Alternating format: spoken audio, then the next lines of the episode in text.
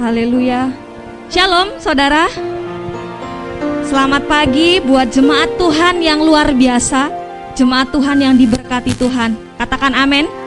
Saya percaya kita semua uh, bersama-sama menerima berkat yang luar biasa dari Tuhan. Jemaat Tuhan, pelayan Tuhan yang hadir di tempat ini maupun jemaat Tuhan yang di rumah. Apa pun musim yang engkau jalani hari ini, engkau yang sedang berjuang, engkau yang sedang menanti jawaban, atau bahkan engkau yang sedang menikmati kasih karunia Tuhan lewat berkat-berkat yang telah engkau terima. Mari terus utamakan Tuhan, berjuang, lanjutkan perjuanganmu bersama Tuhan Yesus. Amin. Ya saudara, sebelum kita mulai ibadah kita hari ini, kemarin di tempat kami tinggal, malam semalam hujan deras saudara Beberapa bulan yang lalu kita menanti-nantikan hujan. Setelah panas kering, akhirnya semalam hujan datang. Saya mau berkata, saat engkau menanti-nantikan hujan yang daripada Tuhan, bagaimana perjuanganmu? Tuhan melihat prosesnya. Percayalah, saat engkau mencari Tuhan hari ini, hujan berkat yang daripada Tuhan akan menghampirimu saat ini yang akan mengubahkan setiap pikiranmu yang duka menjadi sukacita, menjadi kekuatan baru bagi setiap kita. Haleluya Tuhan. Mari saudara, persiapkan hati saudara untuk datang menghadap hadirat Tuhan. Mari kita buka hati kita untuk menikmati kasihnya Tuhan yang begitu luar biasa. Mengalir di tempat ini, mengalir di rumahmu. Percaya saudara, hanya di dalam hadirat Tuhan ada kekuatan yang baru. Hanya di dalam hadirat Tuhan ada kesembuhan, ada pemulihan, ada terobosan terjadi dalam hidup kami umatmu. Terima kasih Yesus, terima kasih. Kami mau menikmati kasihmu hari ini Tuhan. Terima kasih Bapa. Bekerjalah ya Roh Kudus. Bekerjalah ya Tuhan. Haleluya.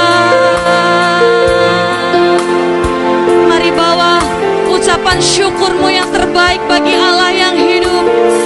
Terima kasih Yesus. Terima kasih Tuhan.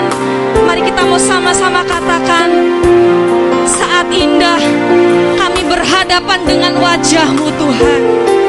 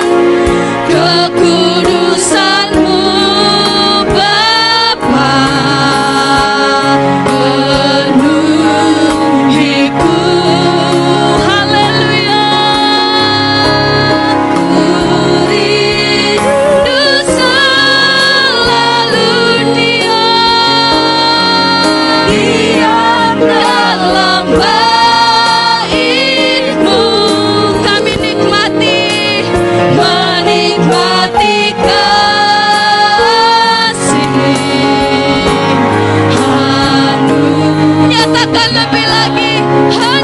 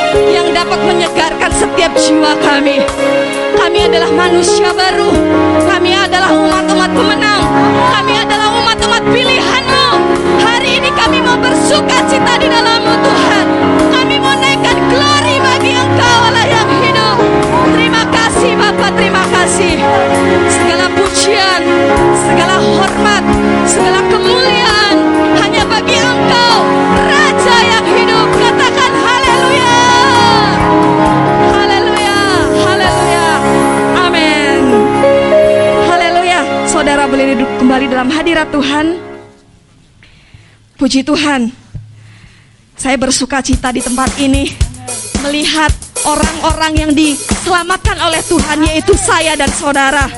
Hidup kita tidak sama seperti yang dulu. Hidup kita tidak sama seperti hari kemarin. Hari ini dan selama-lamanya kita mau selalu meninggikan nama Yesus. Sebab sukacita Tuhan melimpah dalam hidup kita.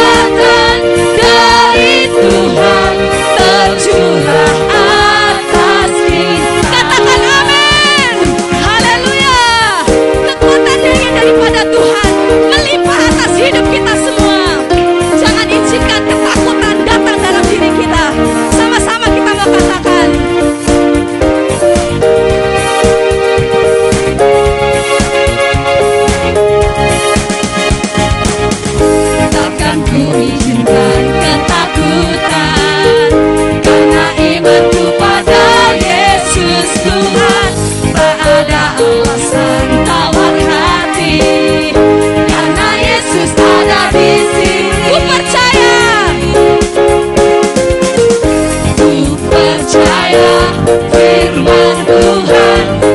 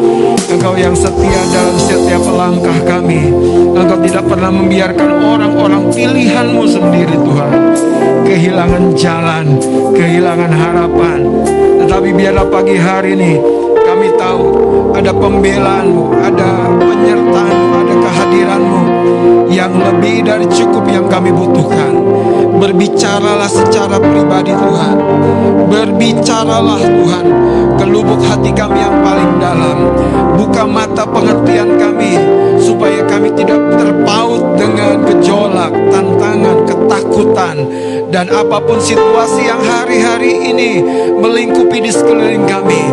Tetapi biarlah mata kami tetap tertuju kepada Tuhan. Engkau tetap ada di tahtamu, di singgah sanamu. Dan engkau adalah Allah yang maha kuasa, maha kuat, maha besar. Engkau jaya selama-lamanya. Haleluya, haleluya. Berikan sorak-sorak sekali lagi buat dia. Di dalam nama Tuhan Kristus sama-sama katakan amin amin. Puji Tuhan silakan duduk Bapak Saudara yang kasih oleh Tuhan. Pagi hari ini saya melihat pada masa-masa dan waktu sekalipun di sekeliling kehidupan kita eh, bukan hal yang positif bukan hal yang memberikan pengharapan tetapi bagi orang-orang yang berpaut hatinya kepada Tuhan, situasi boleh berbeda dengan pikiran kita, pengharapan kita. Tetapi ketika hati kita berpaut kepada Dia, Dia selalu ada buat engkau dan saya. Katakan amin. Haleluya. Mari kita akan buka dalam Keluaran pasal 26. Bapak saudara kita akan belajar dengan satu tema khotbah renungan pagi hari ini replika sorgawi. Replika Artinya tiruan, salian, salinan. Replika artinya duplikat dari aslinya. Nah, dalam Keluaran pasal 26 ini cerita tentang Musa mendapat tugas untuk membangun bait Allah. Bait Allah yang bagaimana? Bait Allah yang dalam bentuk kemah. Kemah di padang gurun. Pada ayat 30 saja kita akan baca ya supaya singkat. Keluaran pasal 26 ayat yang ke-30 kita akan baca sama-sama 2 3. Kemudian haruslah kau dirikan kemah suci sesuai dengan rancangan yang telah ditunjukkan kepadamu di atas gunung itu. Sekali lagi kita baca 2 3. Kemudian haruslah kau dirikan kemah suci sesuai dengan rancangan yang telah ditunjukkan kepadamu di atas gunung itu. Pada waktu Musa mendapat sebuah pesan yang sebetulnya di dalam pesan ini mengandung sebuah tekanan keseriusan. Tekanan yang urgent, yang penting. Kenapa? Karena yang dia bangun itu bukan sebuah kemah untuk dirinya bukan untuk keluarganya, bukan untuk sukunya, bukan untuk kesenangan dan keinginannya. Tetapi Musa mendapat perintah untuk membangun sebuah kemah bagi kehadiran Tuhan. Dan dalam cerita ini Tuhan begitu clear berkata setelah dia uh, perintahkan banyak hal, setelah dia jelaskan hal-hal yang perinci, yang detail, Nah, ada sebuah kesimpulan besar yang Tuhan sampaikan kepada sang kepala proyek ini yaitu Musa. Untuk apa? Jangan meleset satu hal pun. Bangun seperti yang aku tunjukkan. Bangun dengan akurat. Bangun dengan presisi. Kalau Anda baca saudara, cukup rumit sebetulnya membangun kemah tabernakel yang di padang gurun itu. Karena berlapis-lapis.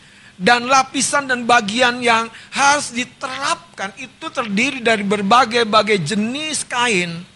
jenis kulit, bahkan ada kulit lumba-lumba dan lain sebagainya. Dan sebetulnya itu mengandung sebuah pesan rohani untuk keberadaan gereja Tuhan di muka bumi ini. Pertaliannya, simpulnya, pasaknya, pelatarannya, tempat mesbah pembakarannya, ukupannya, itu adalah sebuah gambaran yang ada di surga. Tapi yang menarik, yang di padang gurun itu adalah gambaran untuk kita yang sekarang. Bait Allah yang dimaksud untuk hari ini itu bukan berbicara tentang kemah dan gedung. Bait Allah yang dimaksud adalah hidupmu. Bukan hanya tubuhmu, tapi hidupmu, seluruh eksistensimu. Itulah bait Allah yang engkau ada hari ini. Bukan untuk kepentinganmu, keluargamu, cita-citamu. Bahkan sebetulnya pencapaian-pencapaian yang luar biasa itu adalah ekspresi daripada bagaimana engkau sedang membangun kemah itu dengan akurat. Nah, Lihat ayat yang ke-30. Kemudian haruslah kau dirikan. Katakan kau dirikan. Jadi bukan Tuhan yang mendirikan. Jangan bilang Tuhan, Tuhan. Padahal bagian kita.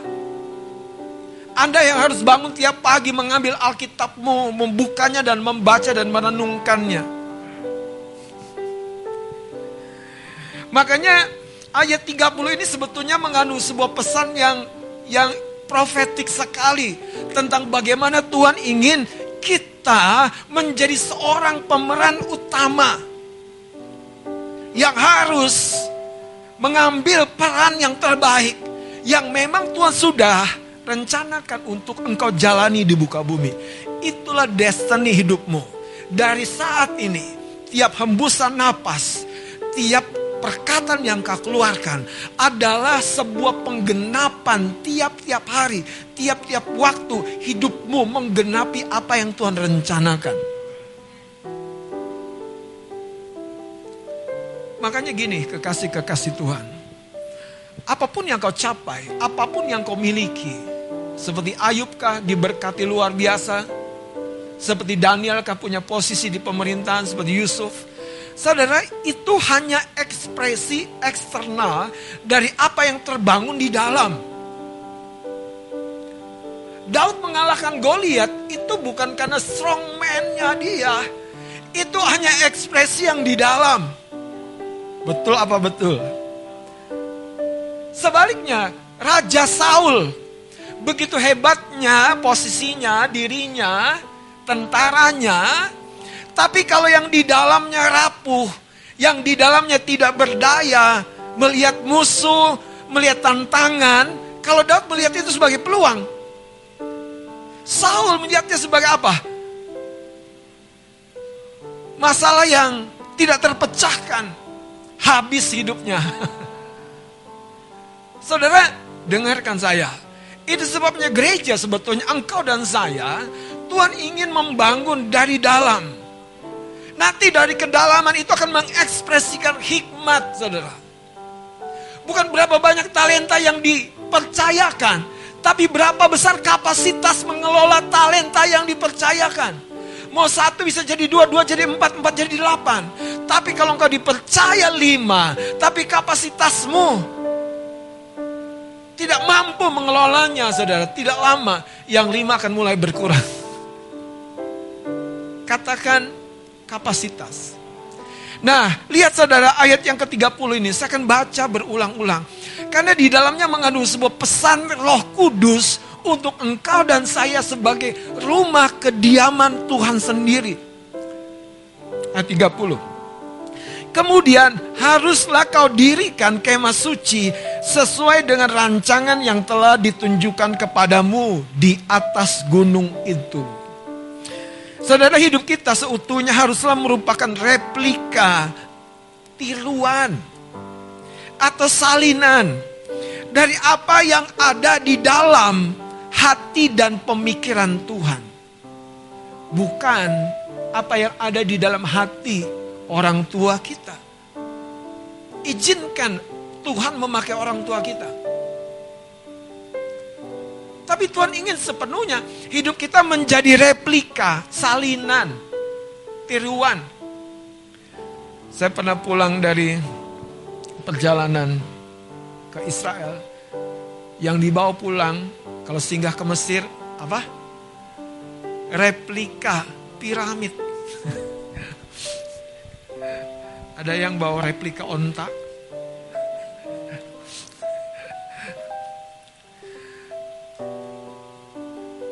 Kami naik ke Gunung Sinai, jangan lupa ya bang, bawa turun batunya. Itu itu betulan batunya. Tapi kalau oleh-olehnya itu, giftnya itu, dari sana Anda pernah beli menara Eiffel yang hanya segini? menara Eiffel yang hanya segini, ya itu replikanya. Jadi engkau dan saya hidupmu seutuhnya adalah replika, gambaran atau tiruan. Artinya engkau bukan hidup menurut sebuah desain yang dunia, yang budaya, yang keluargamu inginkan. Kita harus belajar mengenal apa yang Tuhan tunjukkan di atas gunung. Jangan sekedar ingin jadi hebat. Jangan sekedar ingin jadi diberkati. Jangan sekedar ingin jadi sesuatu dalam hidup masa mudamu. Saudara, Yesus tidak ingin menjadi sesuatu selain ingin menjadi seperti yang Bapaknya rencanakan. Sebaliknya kita tahu saudara dunia dan setan berusaha untuk menarik engkau dan saya menjadi serupa dengan dia. Menjadi serupa dengan dunia, dengan pola-pola dan cara-caranya. Itu sebabnya hari ini coba perhatikan, apakah engkau sedang hidup menurut pola, rencana yang Tuhan tunjukkan kepadamu atau engkau sedang meleset.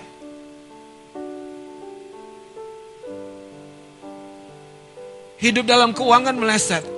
Hidup dalam hubungan meleset. Hidup dalam kesehatan meleset. Hidup dalam pendidikan meleset. Apalagi yang akurat. Bahaya kita. Haleluya. Makanya saudara lihat Musa mendapat sebuah pesan yang apa? Mendesak sekali harus kau bangun, harus kau dirikan kemah suci sesuai dengan rancangan.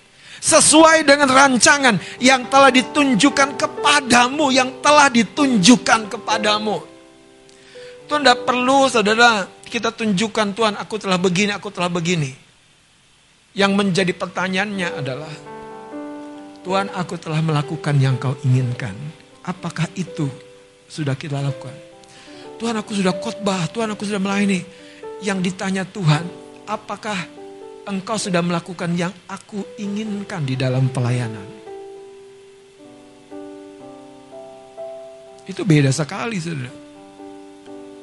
Hidup kita hari-hari ini, kalau kita tidak cermat, nilai-nilai dunia, ketakutan, apa pun saudara, dari budaya, dari media sosial, mulai mempengaruhi keinginan rasa kita, tidak lagi melihat kepada replika aslinya, supaya kita menjadi replika kerajaan Allah ada dan hadir di muka bumi melalui hidupmu dan hidupku.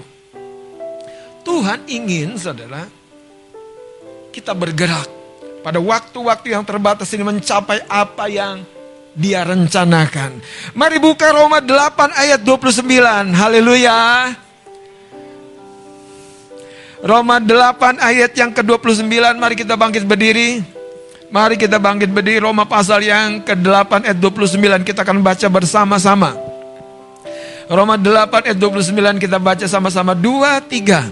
Sebab semua orang yang dipilihnya dari semula mereka juga ditentukannya dari semula untuk menjadi serupa dengan gambaran anaknya supaya ia anaknya itu menjadi yang sulung di antara banyak saudara.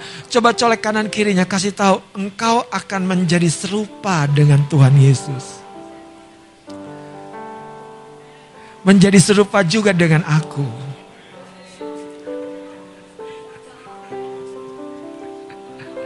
Bukan dalam sisi lahiriah saudara.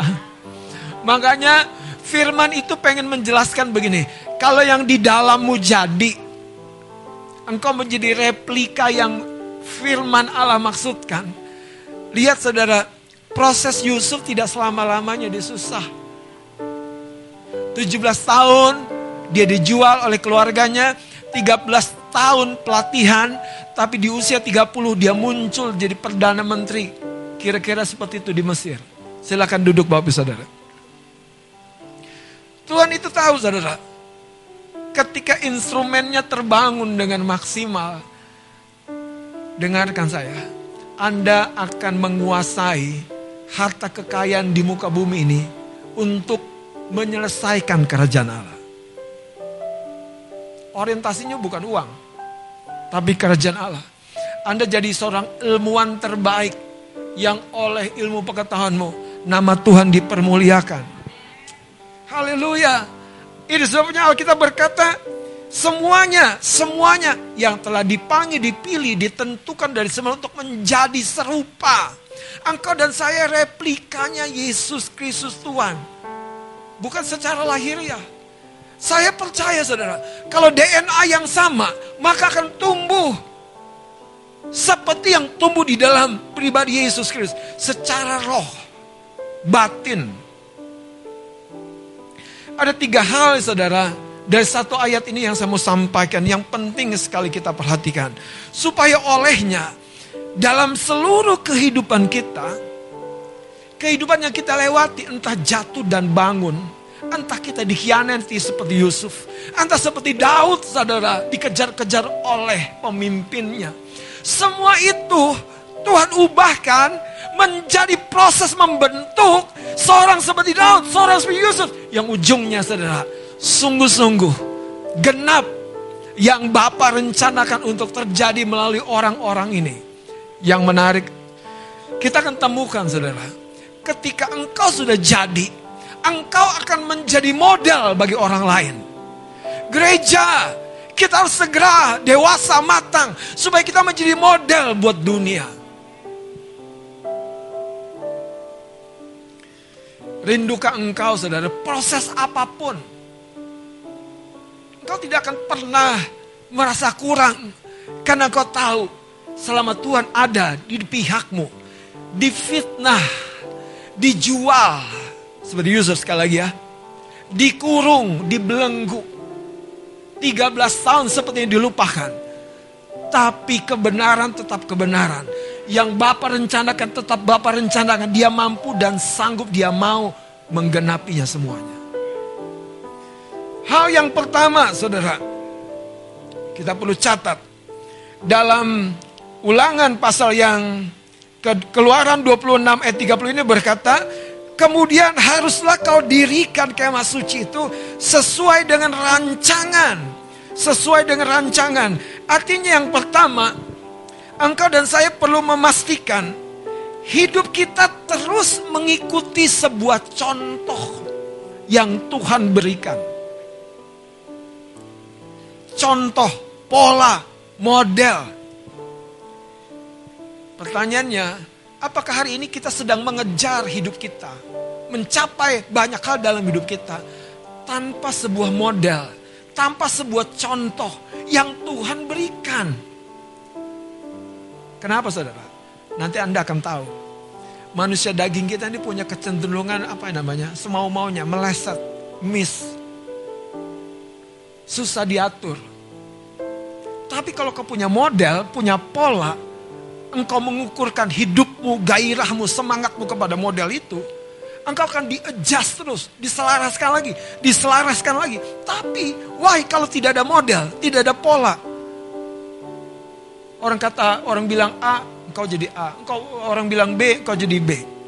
Tapi kalau kau punya ketetapan seperti Daniel, di situasi yang tidak menguntungkan bagi mereka, Daniel, Sadrak, Mesa, dan Abednego, mereka tetap jadi figur yang tidak terubahkan oleh nilai-nilai di kerajaan Babel pada waktu itu. Saudara lihat, Filipi pasal yang ketiga ayat yang ke-17. Filipi pasal yang ketiga ayat 17 saya akan baca. Ini bagus sekali ayat ini. Filipi 3 ayat 17. Saudara-saudara, ikutilah teladanku dan perhatikanlah mereka yang hidup sama seperti kami yang jadi Rasul Paulus sejak semula membangun gereja, membangun dengan model-model, dengan contoh-contoh. Jadi hari ini engkau dan saya dapatkan, temukan. Engkau akan menerima saudara secara akurat menurut model yang kau ikuti. Itulah pemuridan. Itulah di mana kau belajar, saudara. Sehingga kau tidak belajar di sana sini sementara Tuhan bukan itu modelmu yang terutama. Polamu, saudara. Engkau harus menjadi replika. Nah sekali lagi ayat ini coba baca bagus-bagus saudara. Saudara-saudara ini nasihat Rasul Paulus. Ikutilah teladanku.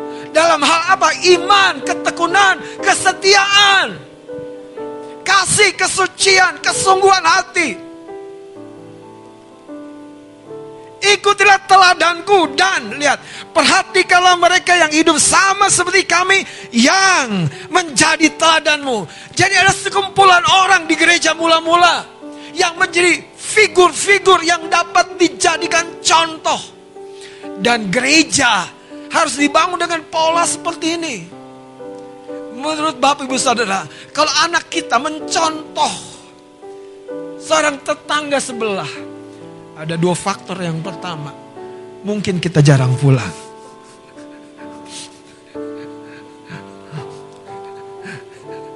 Atau yang kedua, saudara, ya kan, ada distorsi antara engkau dan anakmu, ada gangguan. Hari ini anak-anak kita sedang bergaul erat dengan gadget. Apakah kita sedang masuk di dalamnya? Menanamkan nilai, menanamkan suara, kehadiran, kasih, penerimaan. Sampai mereka tahu, papaku menerima aku bukan karena prestasiku.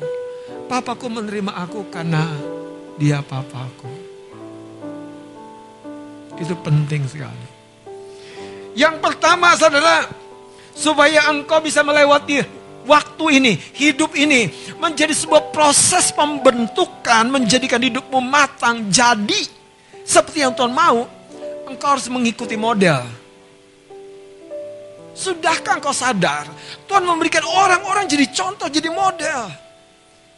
Masalahnya apakah engkau mengikutinya dengan sungguh-sungguh? Lihat saudara seorang raja yang bernama Hizkia dengan cepat. Buka dua Raja-Raja 18 ayat yang ketiga. Raja Hizkia dicatat di Alkitab. Ia, dua Raja-Raja 18 ayat 3. Ia atau Raja Hizkia melakukan apa yang benar di mata Tuhan. Jadi melakukan apa yang menyenangkan di mata Tuhan. Dengerin nanti ada maknanya kata ini saudara. Lihat, tepat seperti yang apa?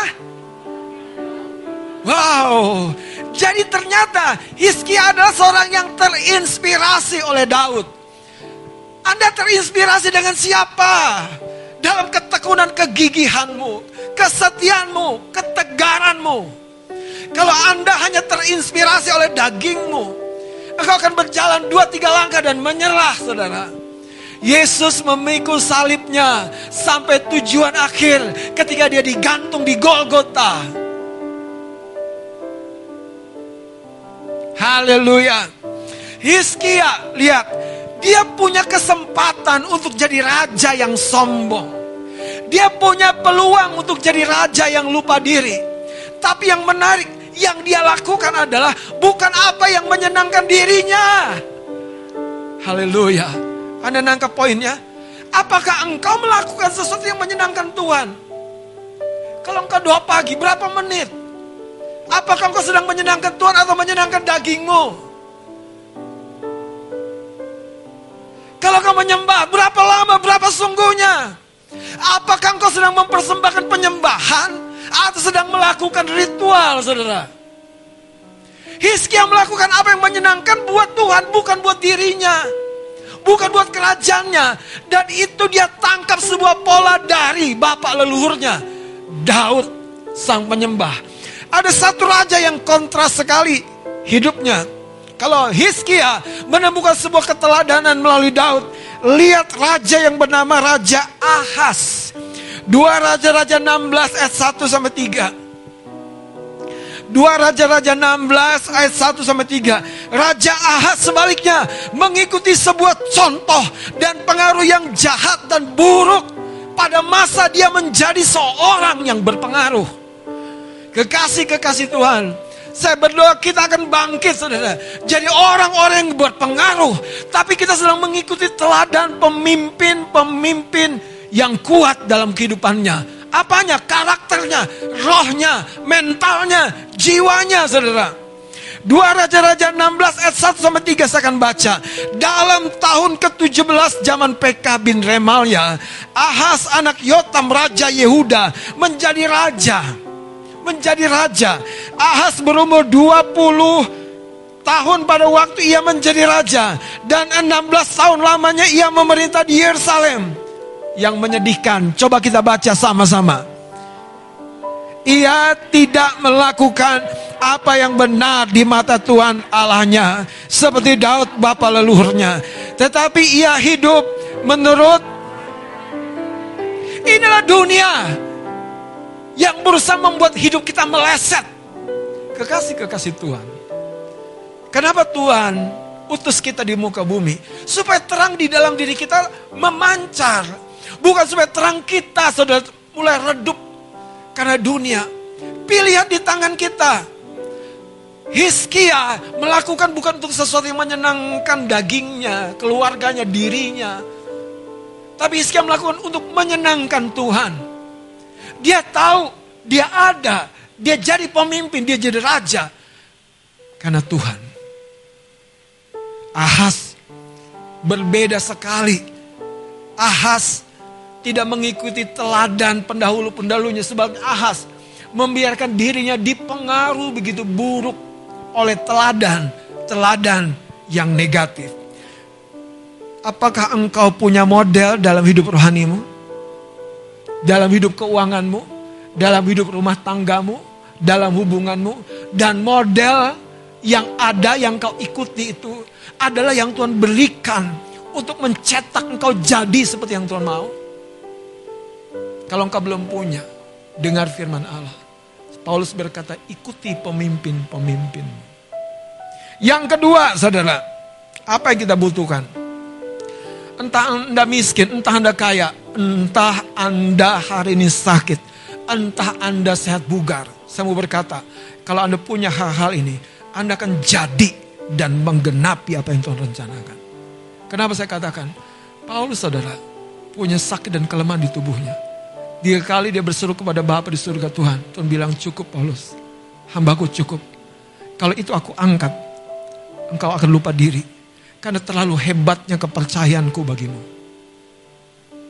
Iya, Tuhan saya bilang cukup kasih karuniaku.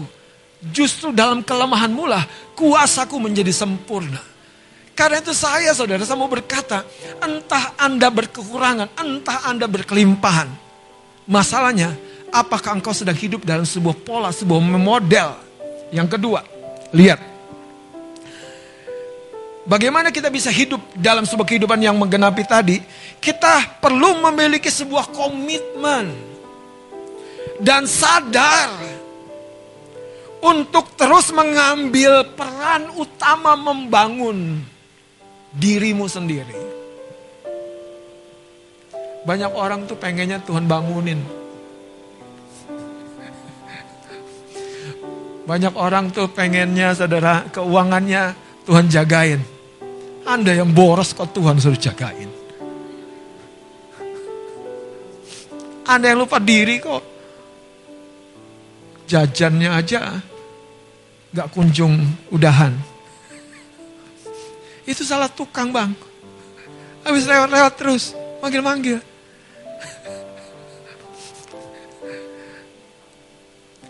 Anda harus punya komitmen dan sadar. Katakan komitmen dan sadar.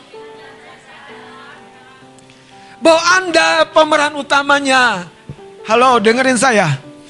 Kekasih-kekasih Tuhan, para pelajar. Anda nggak bisa bilang gini, Pak Guru tumpang tangan dong supaya aku pintar seperti Bapak. Nggak bisa. Anda harus buka pelajaranmu, baca. Pak Pendeta, dodong supaya tumpang tangan supaya aku punya iman seperti Pak Pendeta. Saya mau kasih tahu ya. Saya bisa membagikan apa yang saya punya. Tapi itu saudara tidak akan berarti banyak kalau engkau sendiri tidak punya. Gairah membangun. Membangun iman, jangan lupa. Dikasih modal berapapun habis kalau Anda nggak bisa mengelola keuangan. Dikasih modal iman berapapun jadi kalau Anda punya gairah tadi, komitmen. Jadi saudara. Gak usah besar Tuhan, kasih aja. Sebesar biji sawi, kita pindahkan gunung-gunung. Gak usah besar Tuhan, sebesar biji sawi aja. Itu gedean aku. Kan kau bilang, itu kecil. Masalahnya tadi kita punya komitmen dan kesadaran nggak? Tiap pagi, tiap malam, tiap hari Anda harus tahan mulut Anda untuk tidak gosip. Anda harus tahan mulut Anda untuk tidak ngomel. Untuk tidak mengeluh. Untuk tidak meracau. Anda harus kendalikan kaki Anda untuk terkekang di ruang doa. Atau di jalan-jalan menuju dunia. Kita yang harus mengambil peran utama, katakan amin. Jangan bilang, habis keluarga aku sih kasih kebebasan aku. Anda yang punya kebebasan dan Anda yang punya apa namanya aturan. Dengan kalau Tuhan mampu menyelamatkan Lot dengan serta merta, dia akan paksa Lot, dia akan bungkus Lot, dia akan apa? Bayangkan saudara dengan imajinasi. Pada kenyataannya saudara, Lot itu harus dia pegang tangannya pun masih meleset. Masih meleset, saudara. Masih meleset. Kalau dia bisa buat Abraham tetap stay cool dengan imannya tuh. Bram, aku kasih tahu ya, usiamu 100 baru kau punya anak. Abraham tetap stay cool. Kalau Tuhan bisa bikin itu dalam pribadi Abraham, Enggak saudara, Abraham yang harus memaintain. Katakan memaintain. Gimana memaintain roh? Memaintain yang di luar aja agak susah. Godaan kan? Ya kan? Jadi apa? Sama. Kita harus sadar dan punya komitmen mengambil kesadaran komitmen yang kuat. Tiap pagi sarapan, minum vitamin. Seminggu dua kali olahraga. Itu butuh komitmen dan kesadaran banget-banget. Haleluya. Pemimpin mau mendampingimu. Tapi kalau engkau diteleponin gak bangun-bangun, ya gak akan jalan juga. Pemimpinmu ngasih ayat untuk dibaca, tapi kalau kalau engkau nggak buka Alkitabmu untuk dibaca dan kau mulai melek dan baca, nggak terjadi.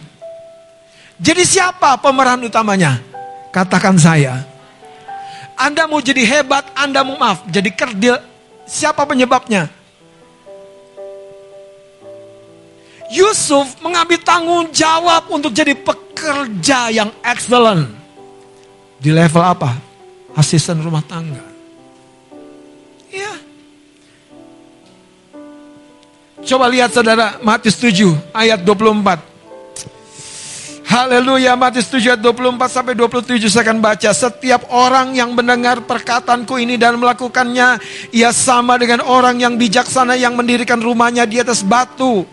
Jadi orang yang mendengar dan melakukan, ia sama seperti orang yang bijaksana yang mendirikan rumahnya di atas batu. Tetapi lihat, Lompat satu ayat. Tetapi setiap orang yang mendengar perkataanku ini dan tidak melakukannya, ia sama dengan orang yang bodoh yang mendirikan rumahnya di atas pasir. Kemudian turunlah hujan dan datanglah banjir. Lalu angin melanda rumah itu sehingga rubuhlah rumah itu dan hebatlah kerusakannya.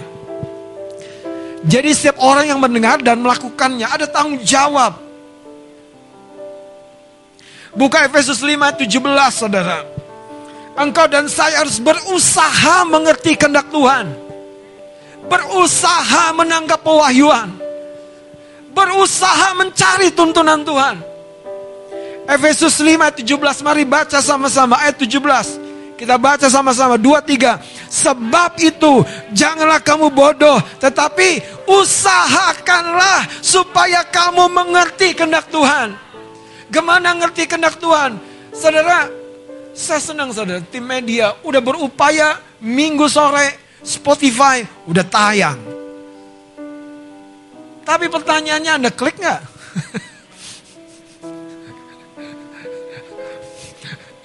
ya saya klikin sih bang untuk anak saya, saya klikin sih bang untuk suami saya. Dengerin saya, saya selalu punya prinsip khotbah yang bagus minimal perlu didengar dua kali. Kalau khotbah itu makin menginspirasi, dengar lagi. Sama seperti makan, saudara. Anda seolah itu makin jadi. Kalau tidak ada dampaknya yang maksimal. Jangan lari dari bentukan. Jangan malas. Jangan menghindar.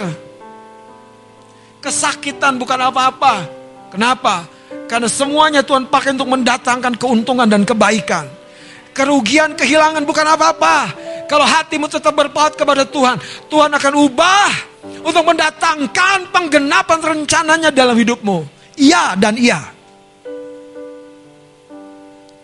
Yang ketiga, saudara, ini yang penting, ini yang paling penting dari tiga hal.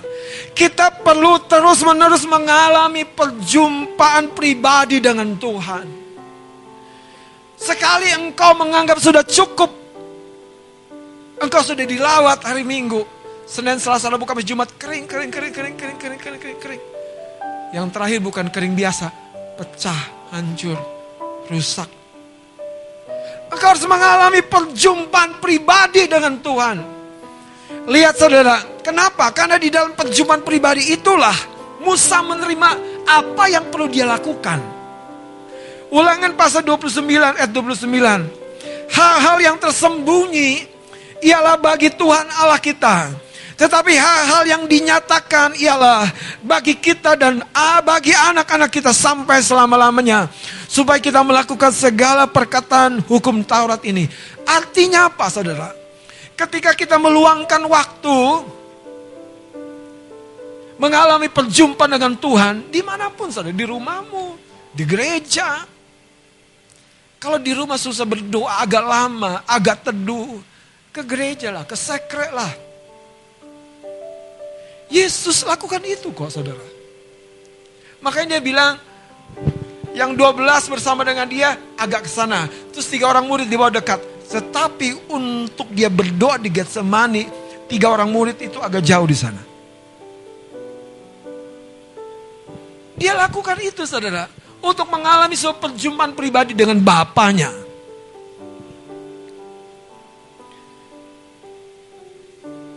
Ada sebuah cerita yang saya baca tentang seorang penggali emas.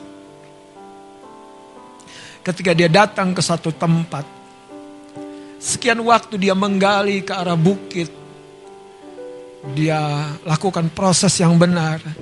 Yang dia dapat hanya batu-batu, pasir, tanah, akar-akar kayu dan lain sebagainya. Sampah. Tetapi dia tahu di tempat ini ada emas. penggali emas ini saudara, terus melakukan prosesnya.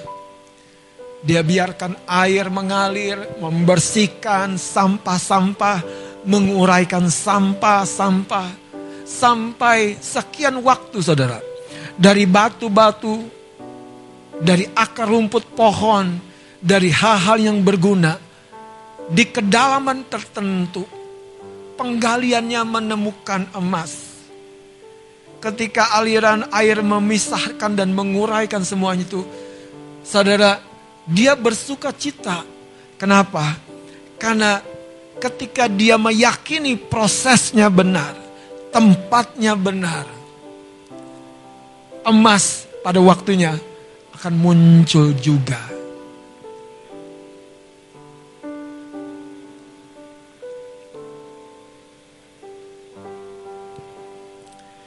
Bagaimana perasaan Yesus waktu dia disangkal? Bagaimana perasaanmu ketika engkau ditinggali anggotamu? Bagaimana perasaan kita? Yesus tahu siapa yang dia pilih, bukan penyangkal. Yang dia pilih, tiang penopang gereja mula-mula, namanya Rasul Petrus. Makanya perjumpaan pribadi Petrus mengubahkan dari seorang Simon gambaran alang-alang tertiup angin goyah kanan kiri. Dia menyangkal gurunya, Yesus bangkit dari kematiannya yang dia cari muridnya ini. Bapak Ibu Saudara, Tuhan tidak pernah salah pilih hidupmu dalam kejatuhan dan kegagalanmu sekalipun. Tuhan tidak pernah salah.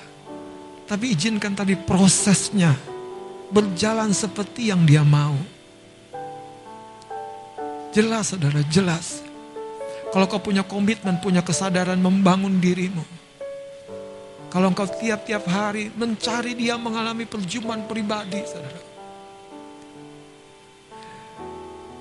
Kalau tiap-tiap hari engkau mencocokkan diri, mengejas lagi hidupmu dengan teladan dan polamu engkau tidak akan meleset hidup di muka bumi ini. Haleluya. Amin. Mari kita bangkit berdiri. Kita angkat sebuah pujian. Tidak ada sakit penyakit yang lebih kuat dari kasih Kristus. Tidak ada kekayaan dan tipu daya dunia lebih kuat daripada kebenaran. Engkau sudah direncanakan dan ditetapkan menjadi pemenang itu sendiri. Haleluya. Saat ku berada di tengah gelombang, kau ada di sana. Hadapi cobaan lewati ujian. Tanganmu melindungiku. Kasihmu menguatkanku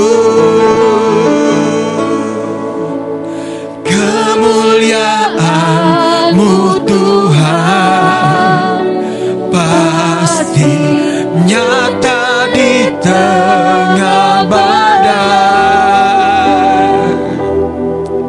Kau pertolongan dan pengharapan Tuhan kemenanganku. Kekasih-kekasih Tuhan. Berapa kali engkau dihempaskan oleh kegagalan-kegagalan. Berapa kali engkau dihempaskan oleh tanda tanya dan tanda tanya dan hal-hal yang tidak menentu. Berapa kali engkau dikecewakan oleh perjalanan hidupmu. Tuhan belum berhenti. Kalau engkau terus melihat pada pola pesan Tuhan bagi Musa sederhana.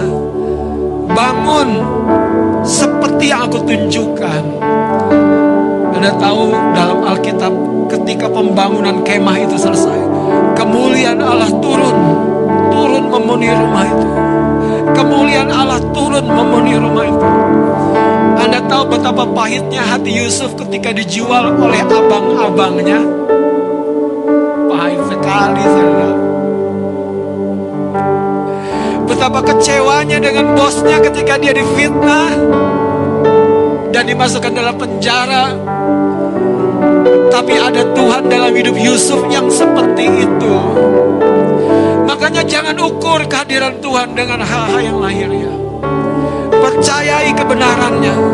Sekali dia memilih, dia menetapkan, dia serang dan terus menyelesaikan pekerjaannya. Mari angkat kembali pujian ini. Terima kasih Tuhan. Saat ku ber 你的冷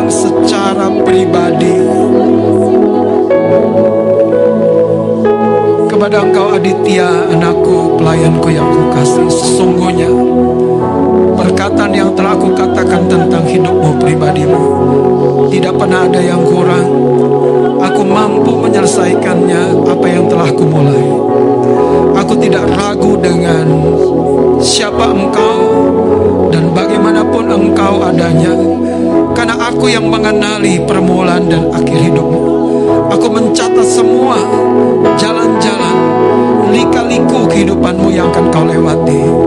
Bukankah aku yang mengangkat engkau? Aku juga menjaga engkau pada jalan-jalan suka dan jalan licin yang kau lewati. Anakku pelayanku Sesungguhnya aku menetapkan jauh lebih besar daripada apa yang mampu kau pikirkan. Karena semuanya aku tetapkan dan aku kerjakan Dalam cara-caraku dan maksud-maksudku. Demikian perkataanku menguatkan engkau Aditya anakku pelayanku Namasadaria Nalabakura Bataka Rashikineni Kinalababa Yashanda Kela Sadari Kataka Nalamana Yamura Kinalababa Yarashaka Nalababa Yarasa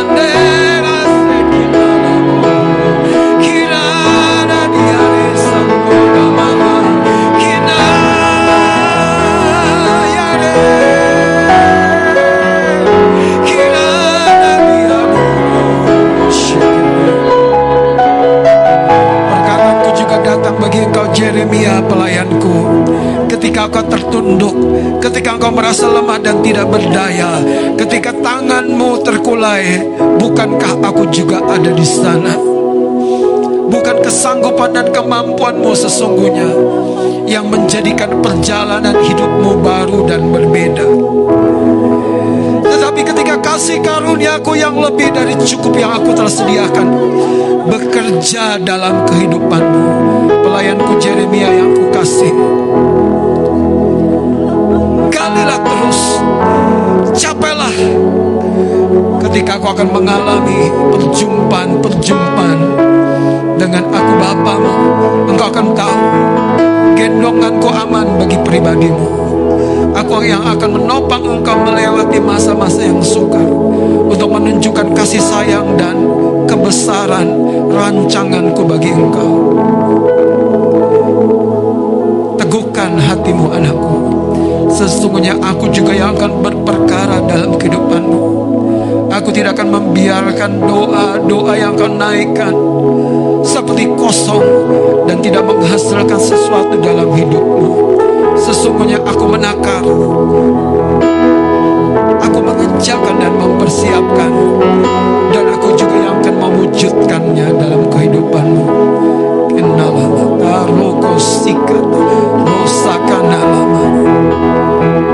Grace pelayanku anakku yang aku kasih. Engkau mencari aku Bapamu Tuhanmu. Sesungguhnya aku tidak jauh dari kehidupanmu anakku guys Aku tahu hari-hari yang tidak mudah yang sedang kau lewati. Tanganmu terulur kepada aku berseru. Dan hari ini aku mengulurkan tanganku untuk mengangkat dan memberikan kesegaran baru. Anakku Grace yang aku kasih sesungguhnya Aku tetapkan engkau untuk menjadi terang. Aku bawa engkau ke tempat-tempat yang tidak kau inginkan Supaya dari lidah bibir perkataanmu Ada terang yang orang butuhkan. Dan di sana aku hadir melalui kehidupanmu. Jangan berkecil hati ketika engkau sendiri berjuang Jadilah teguh Bertumpulah pada pengharapan dan kasihku yang aku percayakan dan berikan dalam kehidupanmu Anakku pelayanku Grace. Aku memberikan air yang jernih Tempat engkau menghirup kesegaran baru dari hadiratku. Demikian perkataanku menguatkan engkau. Anakku Ruth yang aku kasih sesungguhnya Ada bilangan-bilangan tahun yang sedang kau hitung Tapi itu tidak mengapa anakku. Aku tidak pernah kehilangan waktu dalam kehidupanmu. Aku juga yang akan menggenapkan lembaran demi lembaran buku yang telah aku tulis tentang kehidupanmu. Anakku pelayan kurut Aku tahu yang kau rindukan. Namun Tahukah engkau Ada kerinduan-kerinduan lain di hatiku bagimu? Ketika engkau masuk lebih dalam lagi Aku akan menyingkapkan dan menyatakan Aku yang akan membuat engkau Menjadi besar Menjadi ternama. Sehingga orang akan mengenal engkau Bukan karena siapa keluargamu Tapi karena aku bapamu Yang menjadikan engkau indah pada perjalanan hidupmu. Demikian perkataanku menguatkan engkau Anakku Ruth pelayanku yang kukasih Nama syakate kerebe Pelayanku asih Jangan menjadi goyah Dan kalut Ketika kesulitan dan tantangan datang. Di situlah sesungguhnya Aku sedang mengenakan perlengkapan-perlengkapan yang kau butuhkan. Aku sedang mengenakan jaket pelindung bahkan parasut Engkau aman, engkau aman dan engkau aman. Engkau akan melayang dan terbang bahkan yang akan membuat engkau melintasi waktu-waktu yang sukar ini. Dan kau akan mencatatkan sebagai perbuatan tanganku dalam kehidupanmu. Karena kesetiaanku yang tidak pernah berkurang bagi kehidupanmu. Pelayanku, anakku asih. Aku ada di pihakmu yang akan menopang engkau Berlarilah, berkelarilah, berlarilah. Capailah dari setiap hal yang aku taruhkan dalam hatimu Supaya namaku sendiri dipermuliakan dalam kehidupanmu. Pelayanku, bahkan hambaku juga Horasdo yang aku kasih. Ada penantian-penantian yang tidak mudah yang sedang kau tempuh. Tapi pada waktu itu terjadi anakku Anakku, pelayanku Teguhlah hatimu, teguhlah hatimu. Jangan terganggu dan terbuyarkan oleh banyak hal yang secara daging dan lahiriah terjadi dalam kehidupanmu. Sesungguhnya aku bekerja dari kedalaman hatimu. Aku akan menunjukkan hal-hal yang belum kau lihat. Aku akan menunjukkan jalan-jalan yang belum kau mengerti. Aku akan membawa kau naik dan tidak turun. Aku akan memegang tangan kananmu bahkan dengan tangan kananku supaya engkau tahu sesungguhnya aku yang berada bersama-sama dengan engkau. Horasdo anakku pelayanku yang aku kasih. Perjuanganmu tidak akan menghasilkan hal yang kosong.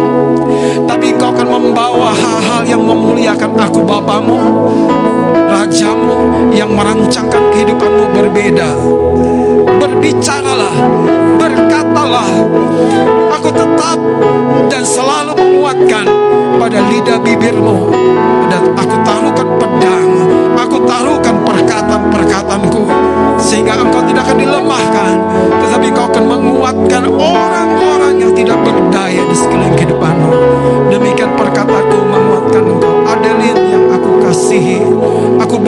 yang mengenali langkah-langkahmu.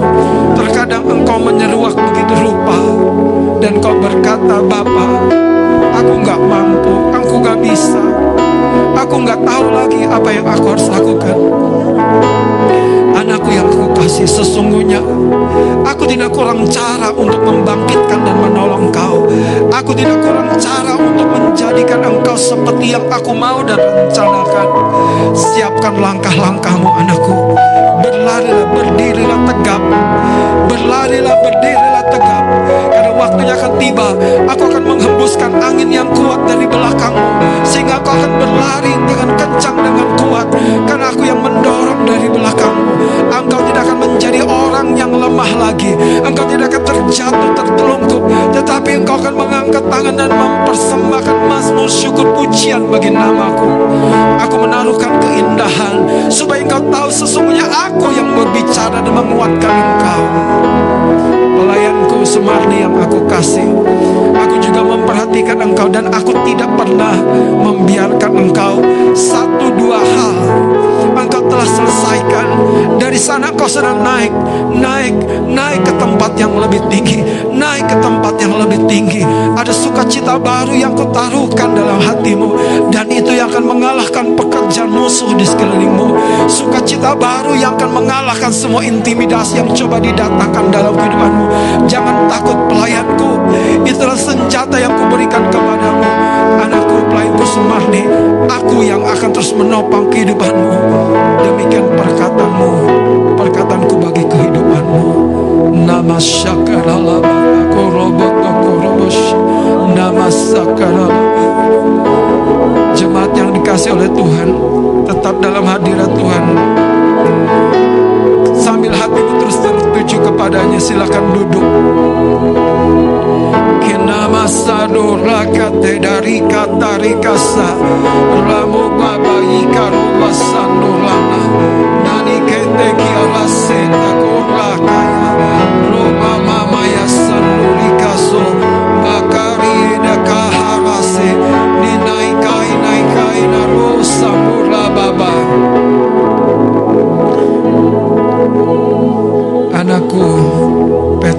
Tujono Aku yang sedang menuangkan minyak ke atas kepalamu. Aku yang sedang melumas Apa yang selama ini Engkau telah bangun Yang sesungguhnya. Engkau ingin persembahkan bagi aku. Mengertikah engkau apa yang aku rindukan dari kehidupanmu Mencari hatimu anakku. Anakku Petrus Tujono yang aku kasih. Aku menuangi minyak itu begitu rupa Membersihkan seluruh keberadaanmu. Membersihkan seluruh keberadaanmu. Kau akan mengalami kesegaran yang baru di batinmu. Kau akan melihat hal-hal yang aku tunjukkan menjadi rencanaku sendiri takut dengan situasimu. Akulah perisai dan perlindungan bagi hidupmu. Aku tidak mungkin meninggalkan engkau apalagi menjauh. Berpautlah tetap kepada aku Bapamu. Demikian perkataanku bagi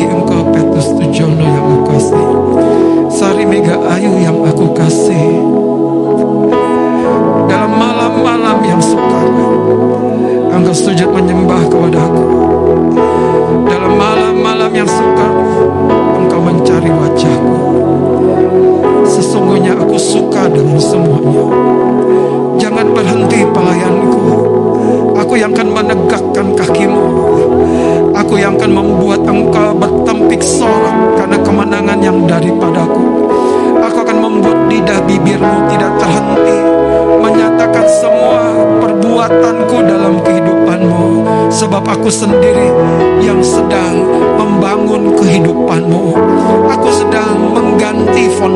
fondasi-fondasi yang salah fondasi-fondasi yang lama. Aku sedang menegakkan kebenaranku sendiri dalam kehidupanmu. Pelayanku anakku Sari Mega Ayu yang aku kasih. Perhatikanlah apa yang engkau bangun maka engkau tidak akan pernah menyesal. Engkau mencari aku, maka aku juga yang akan mencari engkau. Demikian perkataanku menghiburkan dan menguatkan engkau. Syakurlah baba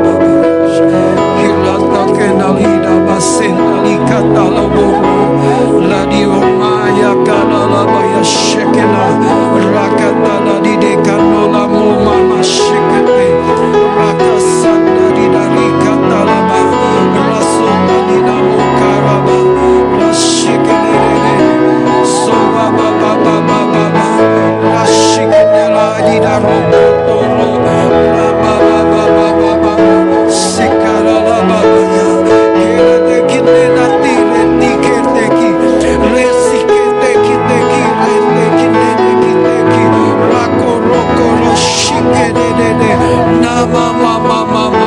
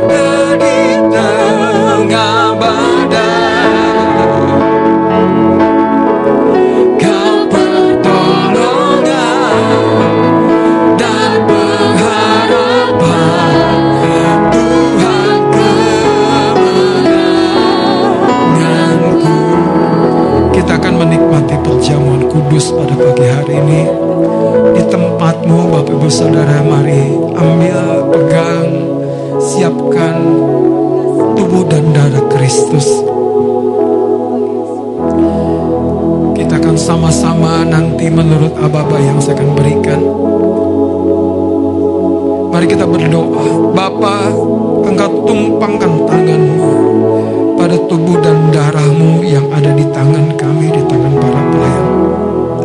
Ada pesan yang jelas. Engkau ada bahkan dalam setiap badai yang kami lewati. Engkau bahkan sedang membersihkan mata kami untuk melihat dan membangun fondasi yang kuat. Hari ini kami mengucap syukur untuk tubuh dan darahmu. Ada materai cintamu di dalamnya. Ada materai kehadiranmu di dalamnya. Ada materai janjimu kami terima sepenuhnya di dalam nama Yesus Kristus. Bagi kami. Bapak saudara yang di rumah, mari buka dan persiapkan masing-masing di tempatmu.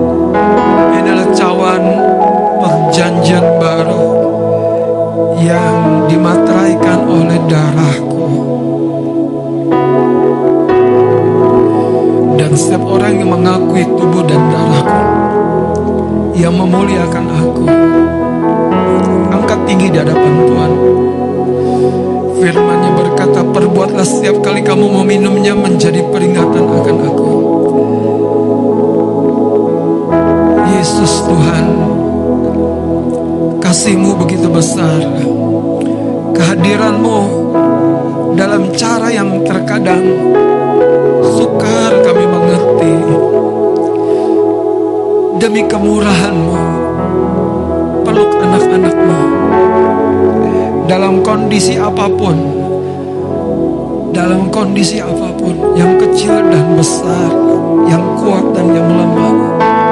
Biar kami tahu engkaulah gembala yang setia, yang tidak pernah tertidur, apalagi terlelap. Kau berjaga bagi kami. Bapak terima kasih untuk darahmu yang ajaib darah yang menyucikan seluruh dosa pelanggaran kami, darah yang menyembuhkan kami, darah yang mempersekutukan kami dengan Bapa. Kami mengucap syukur di dalam nama Yesus. Mari minum bersama-sama dengan iman dalam nama Yesus.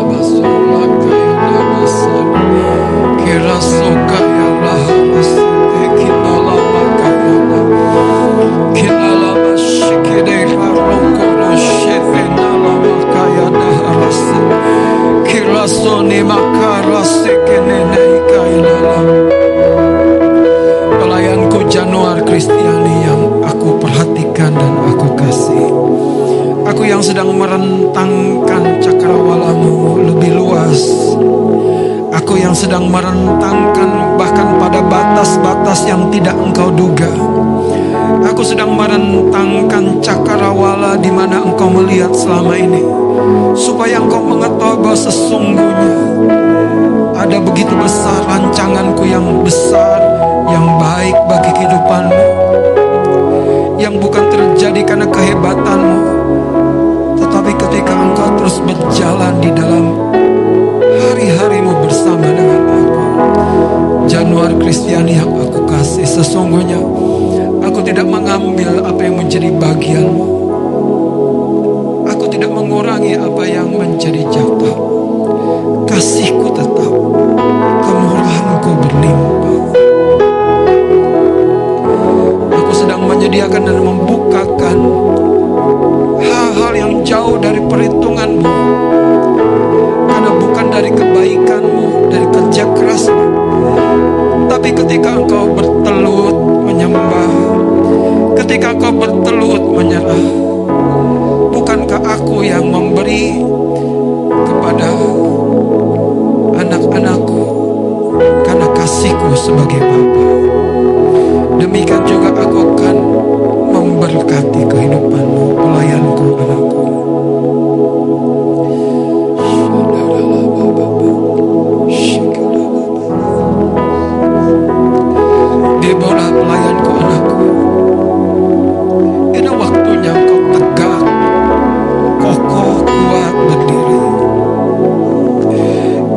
ada satu dua hal menarik engkau mundur tergoncang. Berpegang kepada janjiku Maka penghiburanku tidak pernah akan berkurang bagi kehidupanmu pelayanku Deborah. Engkau yang ku dudukan pada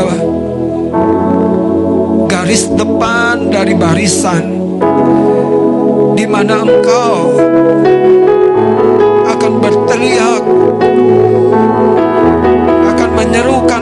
aba-aba engkau juga yang akan melihat angin dan tanganku yang akan bekerja dalam kehidupanmu. Bukan dari kebisaanmu tapi ketika engkau membiarkan aku yang terus bergerak dalam kehidupanmu, engkau akan melihat selama ini bagi engkau sukar, berat. Aku akan membuatnya menjadi mudah. Aku akan membuatnya menjadi mudah. Jangan berkecil hati anakku.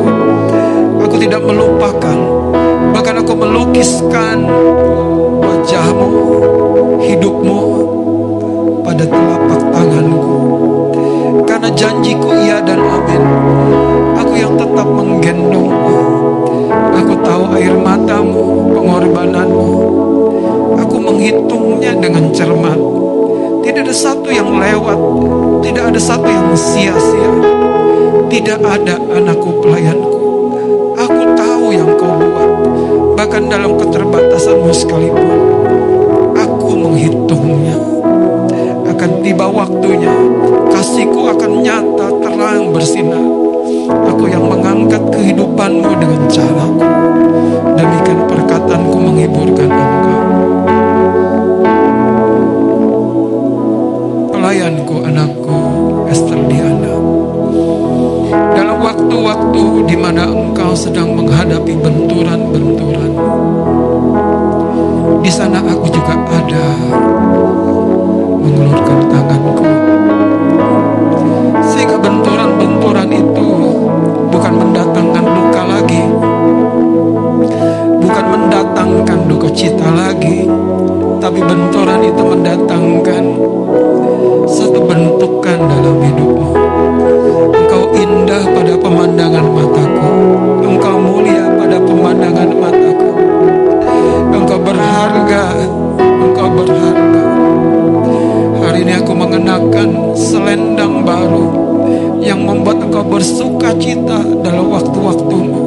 Bukan karena hal-hal di sekelilingmu Tetapi karena selendang yang aku kenakan pada kehidupanmu.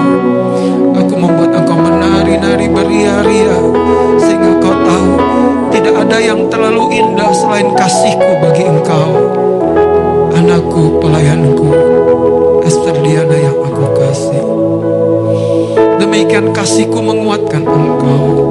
Kilalau basanden alam Kurata kine masari amotan Korite dakuro shikin Rasona makaya rasetak Iraketan nina masaha Rakanda lida nina kiate kaloto koto korobosha Rako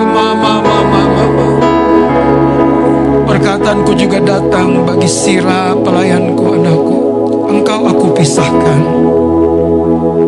Untuk maksud-maksud dan rencanaku sendiri.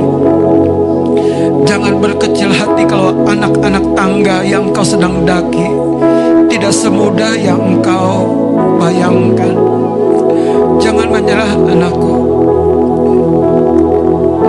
Pada kehidupanmu ada warna-warni yang akan engkau bagikan kepada banyak orang yang berjumpa dalam kehidupanmu.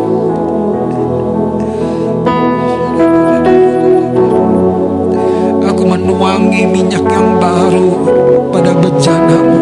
Aku mengisinya hingga penuh, penuh, penuh, supaya engkau tahu. Aku memberikan perkenanan, kasih karunia, aku memberikan apa yang kau perlu dan yang kau cari. Jangan takut anakku pelayan Gustira Sesungguhnya aku yang akan menjadi barisan depanmu. Aku juga yang akan menjadi barisan belakangmu. Aku mengawal engkau sempurna dalam jalan-jalan dan rencanaku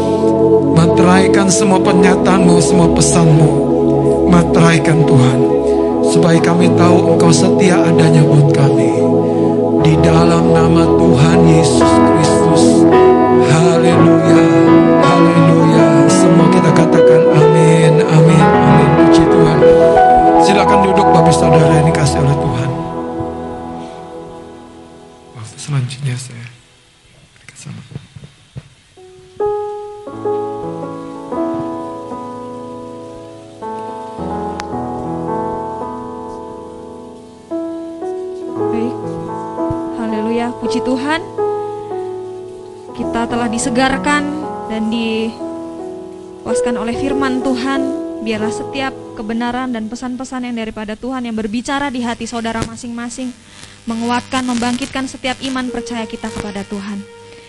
Haleluya. Baik, puji nama Tuhan. Hari ini adalah minggu pertama jadi sebelum kita nanti memberikan persembahan dan perpuluhan, saya akan menyampaikan beberapa informasi untuk kegiatan gereja kita eh, sepekan ke depan. Yang pertama, pada hari Jumat tanggal 6 Agustus 2021 akan diadakan persekutuan doa youth via online melalui Zoom, streaming Zoom ya. Jadi setiap anak-anak muda kita akan bertemu via online Zoom pada hari Jumat nanti tanggal 6 Agustus jam 7 malam. Kemudian yang kedua eh, sudah diinformasikan oleh tim sekretariat bahwa hari ini usai ibadah jemaat Tuhan boleh bergabung di Zoom. Eh, link sudah di-share di grup. Jadi setiap jemaat Tuhan setelah ibadah ini selesai, jemaat Tuhan boleh bergabung di Zoom untuk saling menyapa dan seperti Bapak Gembala eh, menginformasikan bahwa hari ini kita akan bersama-sama didoakan oleh Bapak Gembala. Kita akan berdoa untuk penyembuhan bagi setiap jemaat Tuhan. Baik, kemudian yang ketiga akan disampaikan informasi mengenai ulang tahun gereja kita tahun ini. Untuk waktu dan tempatnya saya persilahkan kepada eh, ketua acara Grace. Waktu dan tempatnya saya persilahkan.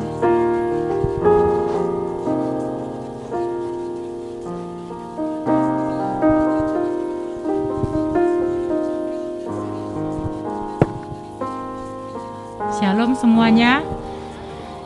Eh, saya Ges, perwakilan eh, si acara ulang tahun gereja, eh, ingin menyampaikan kepada Bapak Ibu Saudara-saudari semuanya mengenai eh, salah satu games yang akan kita adakan untuk memeriahkan ulang tahun gereja kita nanti.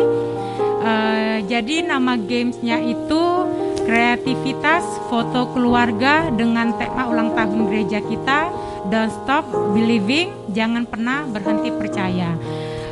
Foto keluarganya bisa dibuat sekreatif mungkin dan seunik-uniknya dan kreativitas foto keluarga ini dikumpulkan paling lama hari Minggu tanggal 22 Agustus fotonya bisa dikirim langsung ke saya ataupun ke Kak Lina.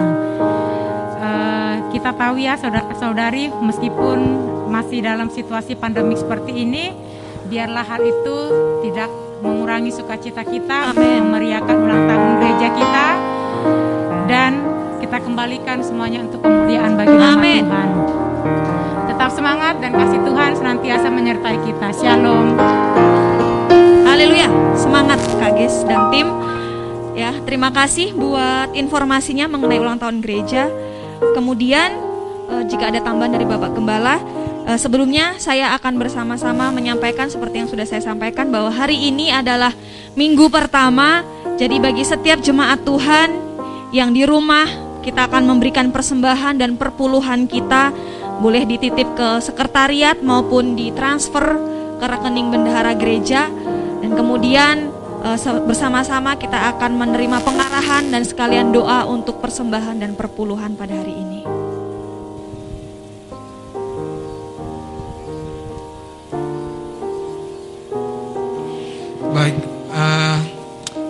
Mau satu kutip, kutip satu ayat dari 2 Korintus 9 ayat yang ke-12 berkata, Sebab pelayanan kasih yang berisi pemberian ini bukan hanya mencukupkan keperluan-keperluan orang-orang kudus, tetapi juga melimpahkan, melimpahkan, melimpahkan ucapan syukur kepada Allah. Kekasih-kekasih Tuhan jemaat, pemberian korban yang kita tabur di rumah Tuhan bukan hanya mencukupkan apa yang dibutuhkan dalam pekerjaan Tuhan, tapi melimpahkan syukur. Amin. Mari kita persiapkan segala korban persembahan kita dengan baik kita berdoa. Tuhan betapa setianya Engkau. Kau ajari kami untuk memberi bukan karena kami mampu. Tetapi Tuhan yang mempercayakan benih-benih kehidupan di dalam kehidupan kami. Ajari kami taat lebih lagi Tuhan. Ajari kami melakukannya seperti pola dan contoh yang kau berikan. Sehingga kami akan melihat sungguh kau hidup dan ajaib. Hambamu mengangkat tangan dan memberkati setiap korban persembahan yang dibawa oleh anak-anakmu. Berikan kami ketetapan hati, bukan keraguan. Berikan kami kemurahan hati, bukan hati yang tertutup. Berikan kami ketaatan kepada firmanmu, maka segala sesuatunya akan memuliakan namamu Bapa. Kami mengucap syukur, kami mau bawa segala korban persembahan kami termasuk persepuluhan yang kami bawa. Tuhan memberkati di dalam nama Tuhan Yesus. Haleluya. Amin. Amin. Baik jemaat Tuhan, selamat memberi. Kita akan sama-sama angkat pujian, sukacita dalam Tuhan melimpah dalam kehidupan kita. Música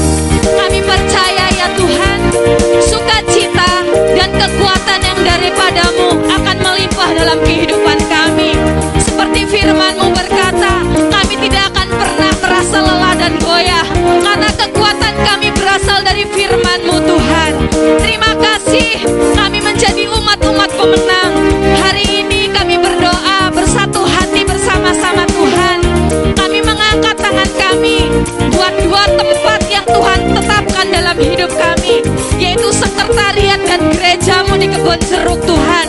Kami percaya dua tempat yang saling bersinergi ini Tuhan akan mendatangkan kebaikan buat setiap umatmu.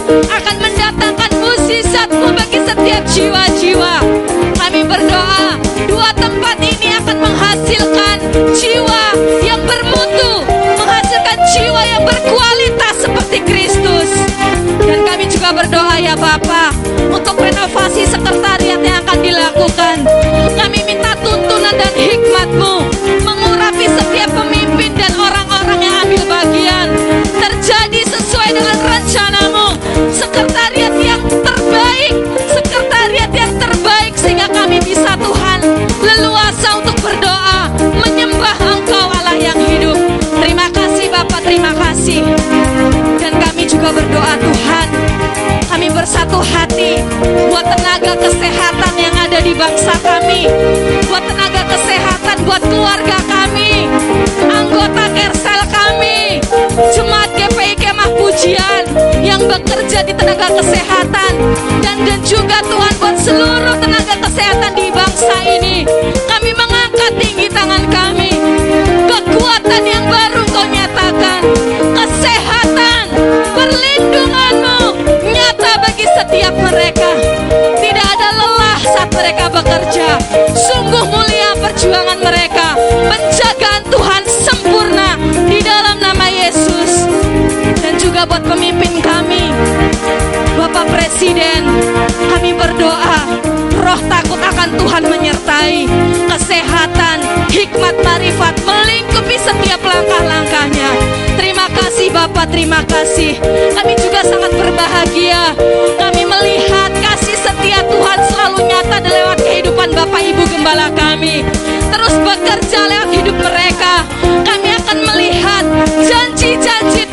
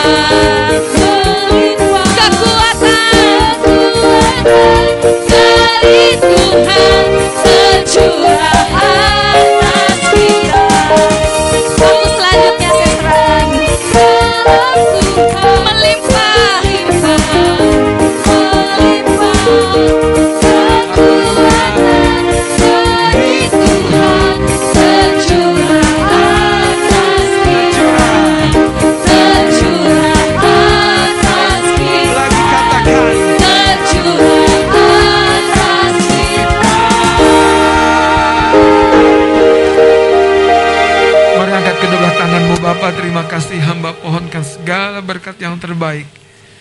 Penyediaan kasih karunia kemurahan dari tahtamu sendiri Bapa. Yang melampaui akal dan pikiran. Curahkan kepada anak-anakmu. Curahkan Tuhan. Cinta kasihmu yang mengobati hati, yang meneguhkan kaki kami, yang menguatkan lutut kami yang mengobarkan api cinta di dalam kami untuk sesama Curahkan Bapa, curahkan Yesus, dan persekutuan Roh Kudus terus mengawal kehidupanmu mulai hari ini sampai selama-lamanya Maranatha. Tuhan Yesus datang pada kali kedua saat yang begitu megah dan indah menjemput engkau di awan permai. Terimalah berkat yang sempurna ini di dalam nama Tuhan Yesus Kristus. Haleluya. Semua kita diberkati katakan amin, amin, amin. Hari Minggu, Tuhan Yesus memberkati kita semua.